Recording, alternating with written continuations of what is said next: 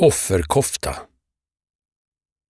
Det finns ett uttryck som en del använder och som heter precis som detta kapitel, offerkofta.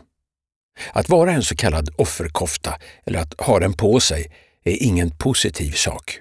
Personer med offerkoftor anser alltid, eller oftast, att allt som händer dem orsakas av andra. Det är aldrig, eller mycket sällan, deras eget fel. Det är snarare samhällets, föräldrarnas, regeringens, polisens, skolans, jobbets, chefens eller sambons fel. Vore personen ensam kvar på jorden skulle den försöka hitta en syndabock ändå. Är det en sådan person du vill vara? Det finns få saker som är mer förkastligt än att ständigt gnälla över sin egen situation och utmåla sig själv som offer.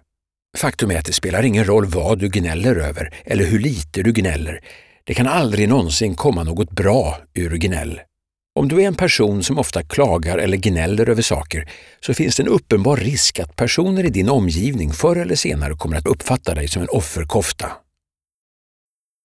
När du vet med dig att något är ditt eget fel, pröva att ta på dig hela skulden. Säg ”Jag gjorde bort mig och allt detta är mitt fel”. Ta sedan lärdom av det och försök att undvika att det händer igen. När du väljer att skylla dina misstag på andra kommer verkligheten ikapp dig förr eller senare. Den bästa vägen är alltid att ta ansvar för dina egna handlingar och ditt eget liv och inse att det är du som bestämmer hur du vill leva, ingen annan. Genom att ta på dig ansvaret själv så kan du också be människor om förlåtelse. Om du inte själv tar ansvaret så kommer du inte att tycka att du har något att be om ursäkt för. Men i många fall så kan det vara en bra och framkomlig väg att själv ta det första steget och be om ursäkt. För ingen av oss är felfria och det finns många fall då du bär ansvaret för något som har hänt. Det beslut som du har tagit och som direkt eller indirekt gjort att du är där du är har du själv tagit. Det är ingen som har tagit de besluten åt dig. Det är du som bär ansvaret, vare sig du är nöjd med var du är eller inte.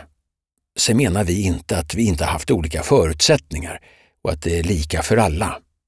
Vissa har det svårare än andra, men det behöver inte betyda att man ska låta bli att ta sitt ansvar.